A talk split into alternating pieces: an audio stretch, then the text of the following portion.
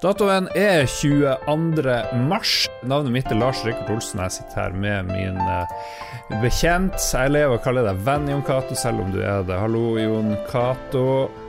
Bekjent er jo veldig Det er jo Jeg har jo tusen bekjente. Hva er et bra synonym for uh... Makker, partner, uh, kompanjong.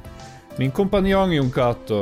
Forrige uke så fikk du PlayStation 5, fortalte du. Nå har jeg også fått det. Jeg satt og testa alt mulig mellom himmel og jord, og vi skal prate litt mer om PlayStation også denne uka. Men først vi samarbeider jo med nettsida pressfire.no, og i forrige uke så fortalte de om Morder i hytta, et nytt norsk dataspill fra veteraner i den norske spillbransjen. Og her er spillere fanga i ødemarka etter en bussulykke og må skaffe mat, vann og redskaper og sånt for å overleve. Samtidig så er det en morder som i skjul skal prøve å ta livet av de andre. Og Jon Cato, du kjenner jo Jack Christoffersen som leder utviklinga av spillet. Og hvordan er det du kjenner til han? Jack er kjent uh, lenge, helt siden han jobba i uh, Innerloop, og de lagde Project IGI og et sånn ekstremsportspill til Dreamcast. Uh, jeg var innom Innerloop-kontoret ganske ofte. Du kjenner Jack godt, det gjør ikke jeg, og derfor fikk jeg æren av å snakke med mannen som begynte utrolig tidlig å utvikle spill. Jo, jeg har jo jobba med spill eh, veldig lenge nå. Jeg begynte i Funcom som 17-åring. Jeg må begynne Oi. å lage spill til eh, Sega Megadrive og Super Nintendo. Og har vært med oppover i spillbransjen eh, siden da. Jeg hadde jo, var jo Innerloop først. med og så, men De siste, seneste åra har det vært, var jeg daglig leder i Artplant, hvor vi lagde først en haug med barnespill, og så masse online-spill med Battlestar Galactica og Block and Load var vel de, de mest kjente. Jeg må si 17 år, det høres ganske tidlig ut å begynne å jobbe i spillbransjen. Var det heltid? Hoppa du av noe skole og bare kjørte på, eller hvordan skjedde det? Ja da, jeg slutta midt i andre klasse på videregående. Det, det jeg fikk tilbud om det som jeg håpa at jeg en gang kunne få lov til å begynne å jobbe med. Eh, så da var det ikke noe vits å fortsette der. Så det, det var veldig, veldig kult. Det var jo man kunne liksom 68 000 eh, prosessoren på Amiga. Eh, mm. det, var, det, var, liksom requirementen. Eh, lærte seg opp gjennom, eh, gjennom, det.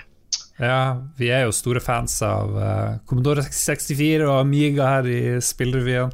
Drev du og lagde noe demo eller spill på, på sånne ting, eller?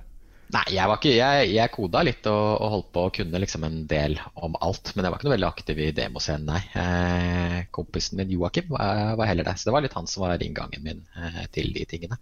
Du er like gammel som meg, tror jeg. Du er født i 40 Nei, 40 Du er født i Nei, jeg er ikke like gammel som deg. Jeg er gammel, altså, men uh... Herregud. Eh, du er født i 76. Eh, du hoppa av spillbransjen, og så begynte du å gjøre andre ting, deriblant Kahoot går vi kanskje an å nevne, uh, ja. som er en stor norsk uh, suksess. Men så har du kanskje kjent litt savn etter uh, spillbransjen? Ja da, vi har jo et sideprosjekt utenom jobben som, som, vi har annonsert nå i disse dager. som har vært oss å jobbe med en god stund nå.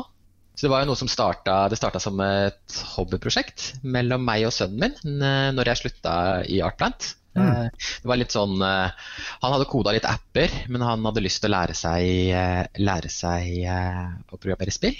Og jeg savna liksom det å lage spill. Og veldig mye av tiden i Artplan så var jeg jo daglig leder. Og så hadde jeg gjort den feilen at jeg hadde ansatt programmerere som var mye flinkere enn meg. Og da fikk jeg plutselig lov, ikke lov til å programmere mer.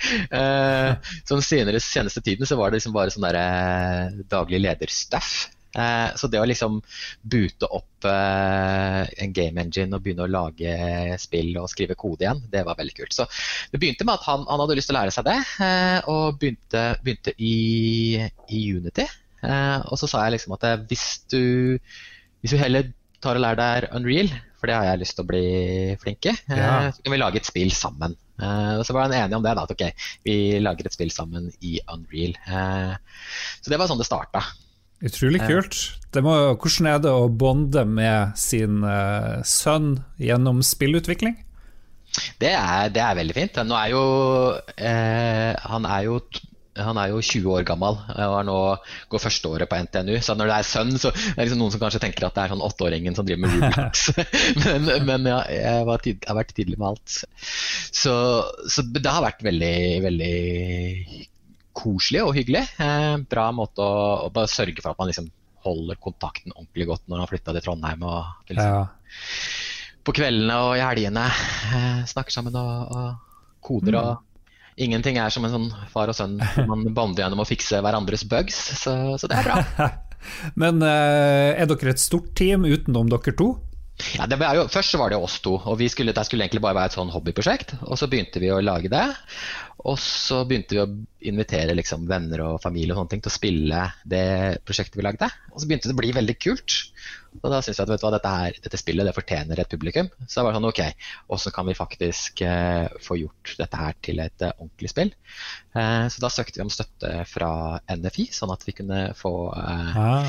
Til at spillet til også se pent ut og høres pent ut, og, og få litt ekstra hjelp fra andre som kunne hjelpe med å være med oss å heve både spillbarheten, men også liksom den produksjonskvaliteten på, mm. på, på, produktet. Da. Så det er jo meg og sønnen min som gjør programmeringen, og så er det Joakim Barrum som har stått for, eh, for grafikken.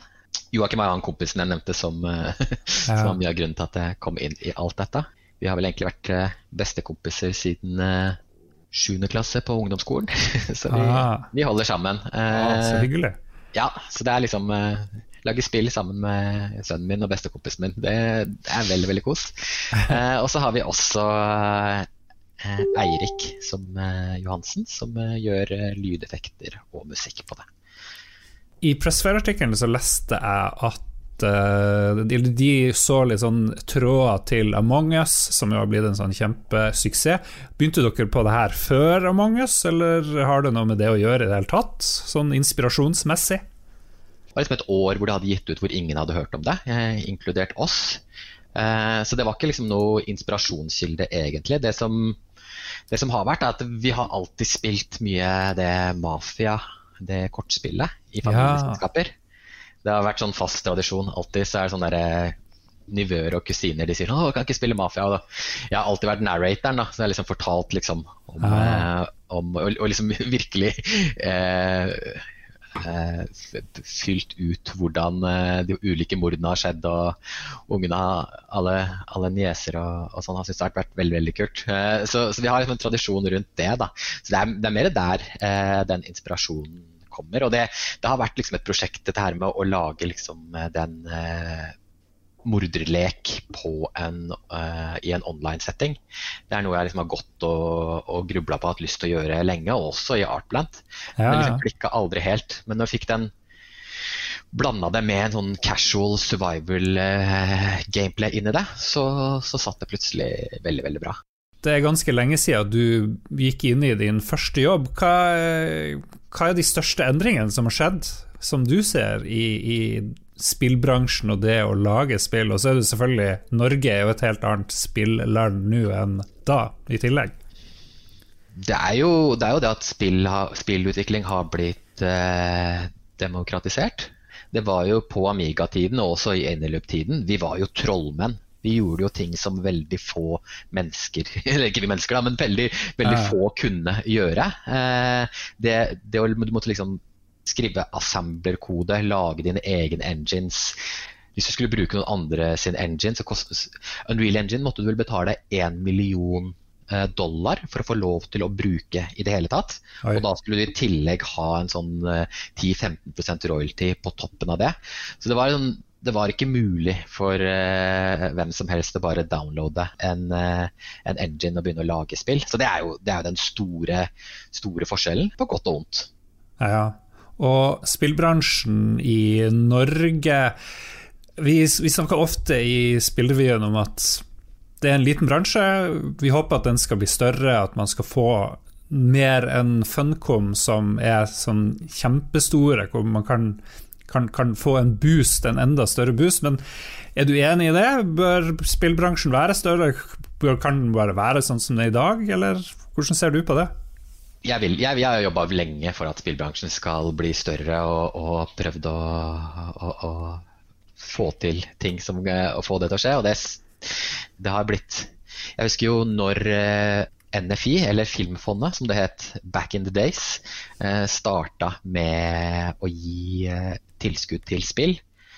Så var, da var det liksom Artplant og kanskje Ravn Studio og kanskje et annet studio som søkte. Så det var, var nesten litt sånn ja, for få søknader til det. Ja. Eh, men hvis du ser nå, så er det jo sjukt mange som uh, søker penger om uh, søker om å få tilskudd der, og veldig mange gode prosjekter som, eh, som, får nei. Så det er klart at det har blitt mange flere veldig flinke aktører i Norge.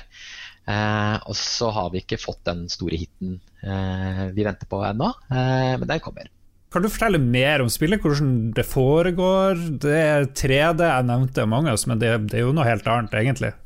Så, så, så Selve settingen i, i, spillet er det at det, er en gruppe av spillere som har krasja et sted i norske fjellheimen. Og så er redningen tre dager unna, så de må søke ly og lage mat og få seg vann og sånne ting for å klare å overleve. Eh, så det er liksom en 15 minutter countdown som de må overleve. Og det er sånn at eh, For å gjøre det, så er du avhengig av å virkelig samarbeide med de andre spillerne. Det er veldig mye av spillmekanikken som er sånn at du gjør ting sammen og du er avhengig av hverandre. Du, er, du snakker mm. hele tiden, og det å dele informasjon og, og, og gjøre det der er helt superviktig. Eh, eh, både for å gjøre tingene effektivt, eh, men også for å liksom avsløre eh, hvem morderen er. Man kan til enhver tid starte en avstemning. Så hvis jeg tror liksom at ah, det er Lars Rikard som er morderen, så kan jeg starte en avstemning. Så sier jeg hvorfor jeg F.eks. så var uh, Si at uh, jeg hadde spilt med, med, dere, og Jon Cato Vi fikk beskjed om at han har nettopp blitt kvalt i søvne. Mm. Så sier jeg hm, Lars Rikard var jo den eneste som var i huset i den tidspunktet hvor, eh, hvor det skjedde. Eh, og så sier han ja, jeg var med han på øya. Ok, ja, nei, men da, da, da klarer jeg å overtale alle til at det, det var nok eh, Lars Rikard. Eh, men så var det jo kanskje, kanskje så var det grunnen til at jeg faktisk var morderen. Eh, og, jeg, og, jeg, klarte å, å, lure de andre til det. Eh, for det er også en morsom ting. Du vet ikke, du, du vet ikke hvem, hvem, morderen er før helt på slutten av spillet. Så ofte så er det sånn du tror liksom, ja, nå er vi safe, nå har vi klart å finne, finne, hvem det var og sånne ting.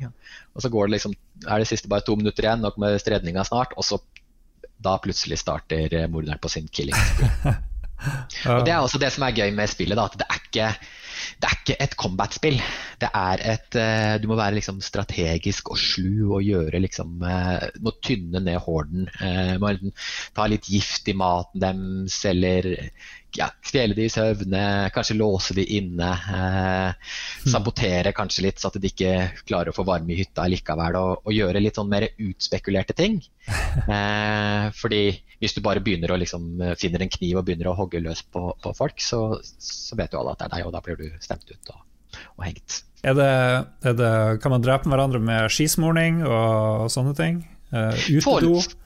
Foreløpig ikke, eh, men det er jo noe av greia med at hvorfor vi vil lage spillet med spillere. At Vi har liksom lagd en core der, og så vil vi legge til mer. Og der er liksom snakke med spillerne hvilke ting er det de etterspør og vil. Og Det med utedo er faktisk en av de tingene vi snakker om. Joakim er veldig hypp på å legge inn utedo. Litt, jeg tror han, tror, mm. han syns det, det, å drepe noen mens de sitter på do er veldig gøy.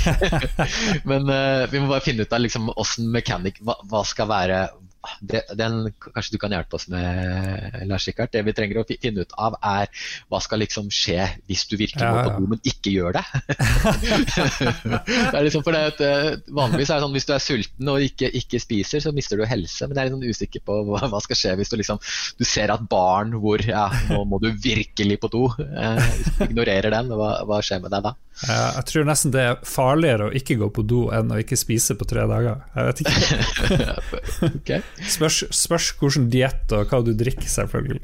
Tanken vår er å eh, ja, få bare flere og flere folk til å spille spillet sammen med oss og, og teste det ut. Og, for det vi merker er at hver gang vi spiller med noen, så er det Alle har litt sånn derre Hvorfor er, ikke den, hvorfor er ikke inventory på tab? Eller det hadde vært kult hvis du gjorde det sånn. Og, og det er liksom det er eh, så veldig Man får så mange gode ideer, og det er veldig inspirerende å spille spillet med, med nye mm. mennesker. Hvis noen eh, som hører på har lyst til å være med og prøve å teste ut før det kommer i Early Access, har de noen sjanse til å kunne spille morder i hytta om ikke så lenge?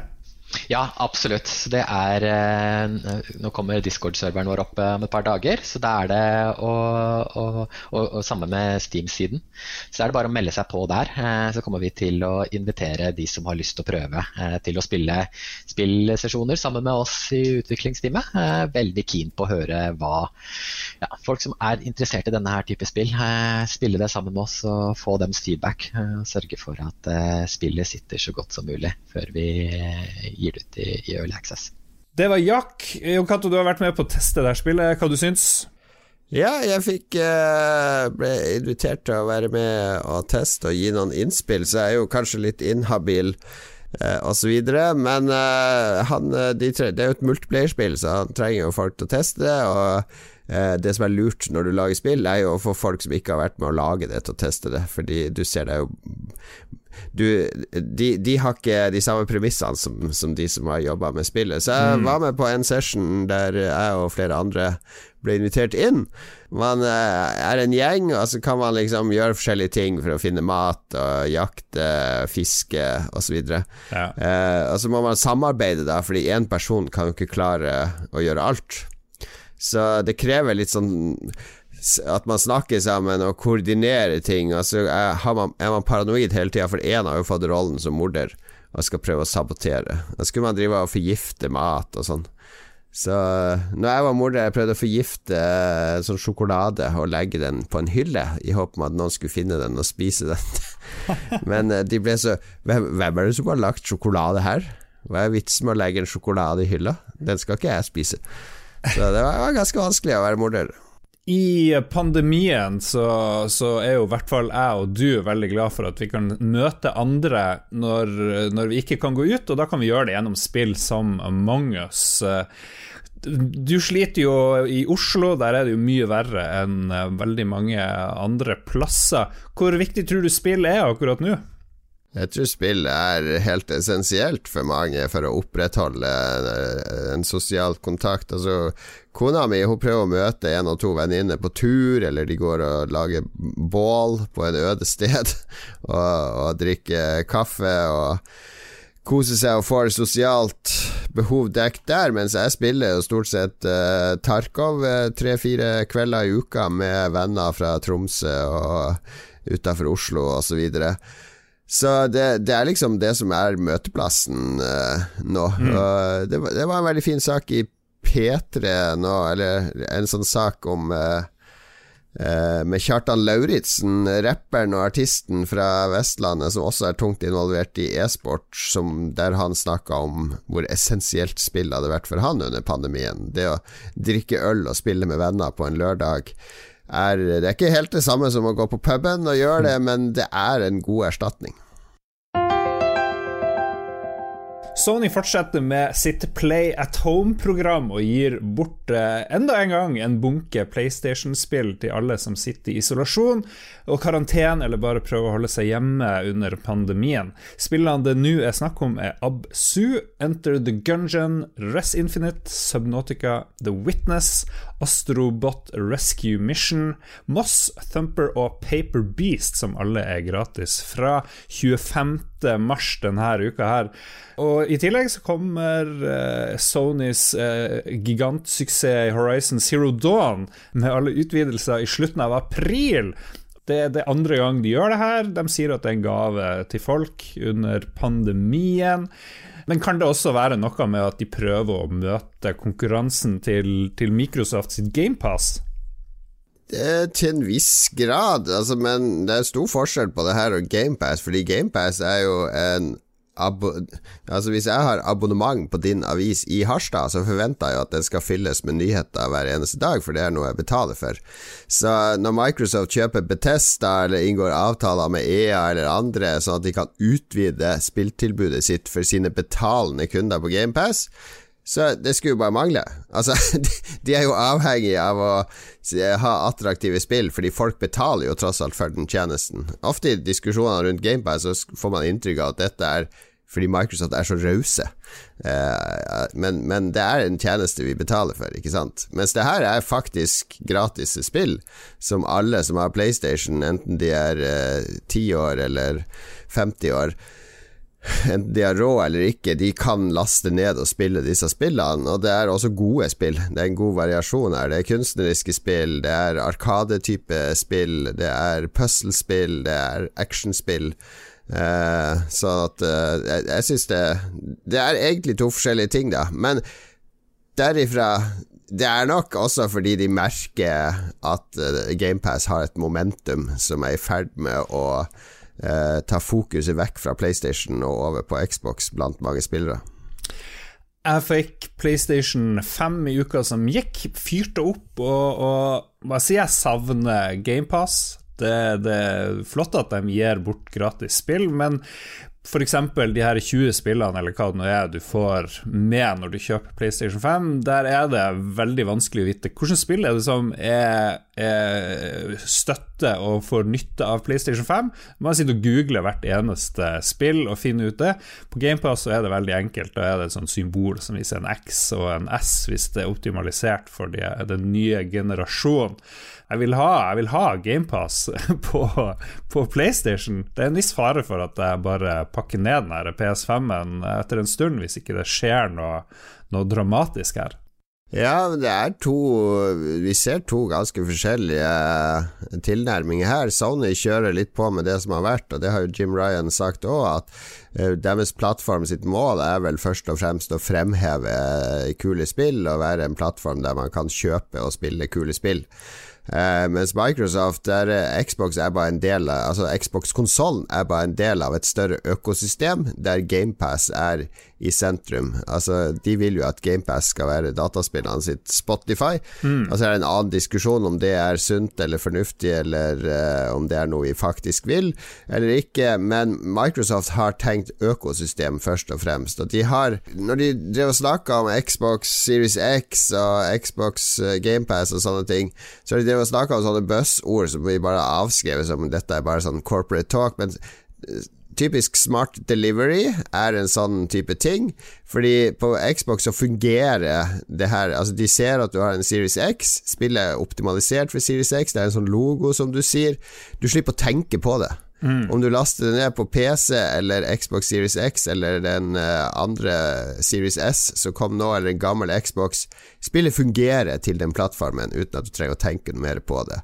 Mens for Sony så er det sånn For eksempel når jeg spiller på min PlayStation 5, for jeg har også en PlayStation 4 som den ene sønnen min bruker, så har jeg, jeg jeg har ikke fått lov å starte Demon Souls engang, fordi min sønn Nei, det var God of War jeg prøvde å starte, fordi min sønn satt og spilte Fortnite på PlayStation 4.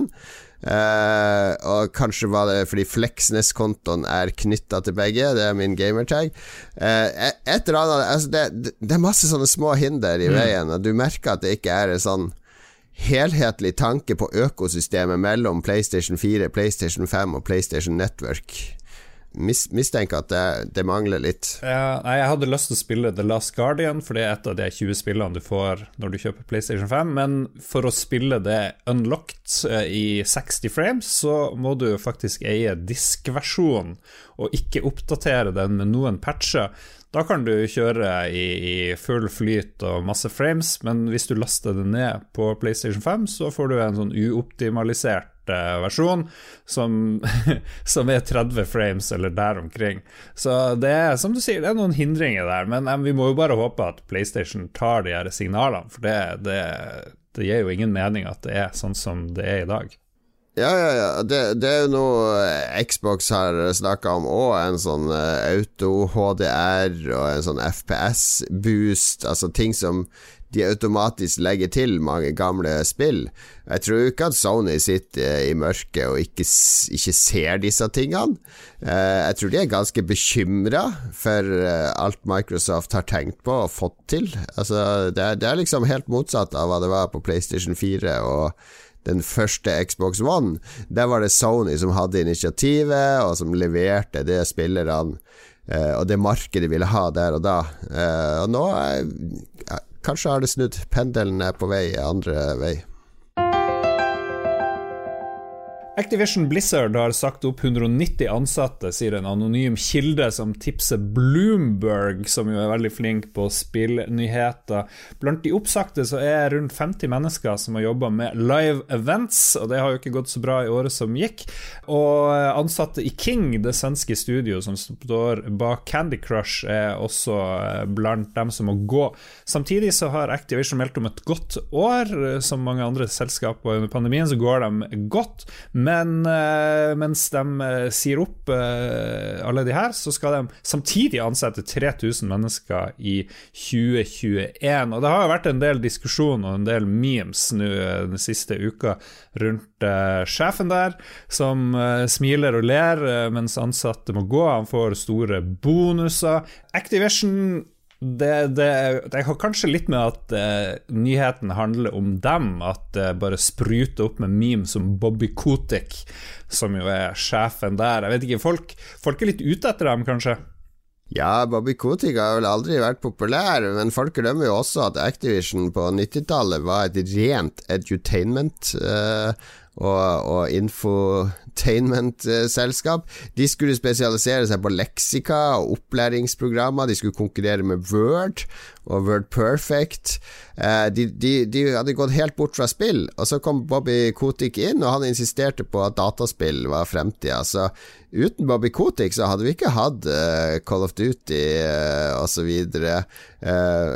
Blizzard ble kjøpt av Activision, og nei og nei, men sannheten er vel at Blizzard hadde vel slitt uten eh, finansiering og, og det økonomiske tryggheten som det å være i Activision gir de. Så det, ting er ikke så svart-hvitt, men jeg skjønner jo at vi gamere, eh, eller gamere gjerne vil ha enkle forklaringer. Jeg kan, ikke, jeg kan, ikke, forsvare bonuser på 200 millioner dollar til toppsjefer i selskapet. Jeg syns også det er helt usmakelig. Men det er den amerikanske virkeligheten som er lagt opp til. At er du på toppen, så har du basically frie tøyler til å grabbe så mye du vil. Eh, aksjonærene er villige til å betale for det, og det handler jo om å please aksjonærene til syvende og sist.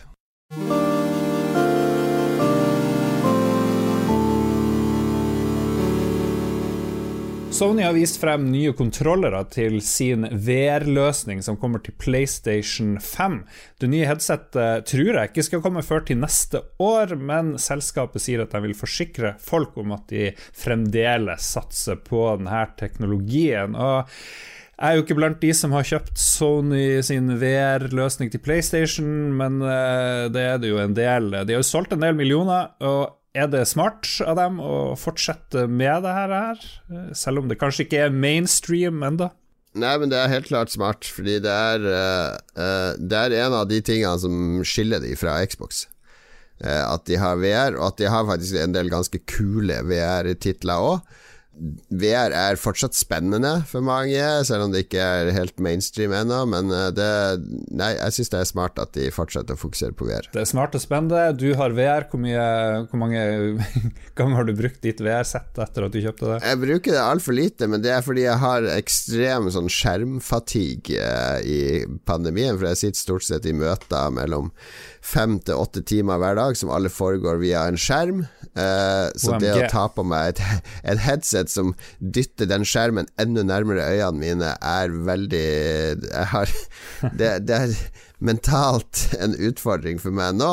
Jeg kan fortsette å spille på en vanlig skjerm eller en TV etter jeg har uh, vært i alle disse møtene, men VR er Eh, jeg, jeg, klarer ikke akkurat å holde på med det akkurat nå. ok, ok uh, Jeg så at uh, det skal fremdeles være én kabel, jeg vet ikke om det var flere før, men det skal være én kabel til det nye PS5 VR-systemet. Har det noe å si? Jeg tror det har noe å si for meg. Jeg vil mye Terskelen blir mye lavere for meg å drive med VR hvis jeg slipper masse jorr. Det var kabelkaos før, men én kabel må vi nesten holde ut på et eller annet vis. Ellers så blir det, det blir vanskelig å sende høyoppløselige bilder frem og tilbake fra headset til en maskin uten kabel. Altså, Oculus Quest er jo alternativet for de som ikke vil ha kabel i det hele tatt, men det er jo fordi hele CPU-en og alt er integrert i headsetet. Mm. Eh, så der får du jo et kompromiss i hvor bra oppløsning og hvor, hvor bra spillene egentlig kjører. I hver episode så ser vi på spillene som er på vei denne uka her, og nå kommer det noen godsaker, Jon Cato? Yes, det er en uh, veldig hyggelig uke denne uka. Det er jo mars, Slutten av mars pleide tradisjonelt å bety uh, finansåret var over. Og veldig ofte så pøste det ut med storspill på slutten av mars fordi man skulle pynte på resultatene på slutten av finansåret og se hvor mye salg vi fikk inn her. Og så tok man retur på masse i april og mai. Det er ikke så ille lenger, men det er to store spill som kommer nå denne uka. Det er jo It Takes Two eh, fra Electronic Arts, og fra Josef Fares og hans studio Hazelight. Josef Fares er jo tidligere filmregissøren som begynte å lage spill, og har laga veldig personlige og meningsfulle og eksperimentelle spill. Det er ganske godt gjort å få til de tre tingene. Eh, og så er han en karakter i spillbransjen. Han er et friskt pust. Han er en frittalende eh, litt eh, Fremstår som litt gal og eksentrisk eh, svenske som, ja. som sier, snakker rett fra levra. Ja, han har jo havna i trøbbel. Jeg vet ikke om han har havna i trøbbel. Han får gi et spill videre, men det ble noen reaksjoner. Han var på Game Awards, eh, kanskje litt berusa og slengte med leppa. Og... Ja, men vet du, det var så deilig fordi at uh, noe som preger spillbransjen, er at veldig mange av de kreative er ukomfortable foran kamera, eller ukomfortable på scenen. Og det sitter jo vi på når vi ser på etere og streamer og sånn, og så ler vi litt av disse ukomfortable geekene som står og leser opp fra teleprompteren eh, og prøver å virke avslappa. Eh, men det de, de er jo folk som er ukomfortable på, på scenen. Eh, og så lar de seg helt styre av PR-folk og bare si dette, si dette, dette er trygt, eh, ta på deg denne jakken og sånn. Og så blir det sånn herre ah, Det blir så upersonlig og kjedelig, og alle fremstår Alle utviklere virker jo helt like, ikke sant. Og så kommer det en som bare tar kontrollen sjøl, og ikke bryr seg så mye om konsekvensene. Og ringvirkningen av det tror jeg er at han får, han får mye mer respekt. Altså, ok, han er en loose cannon.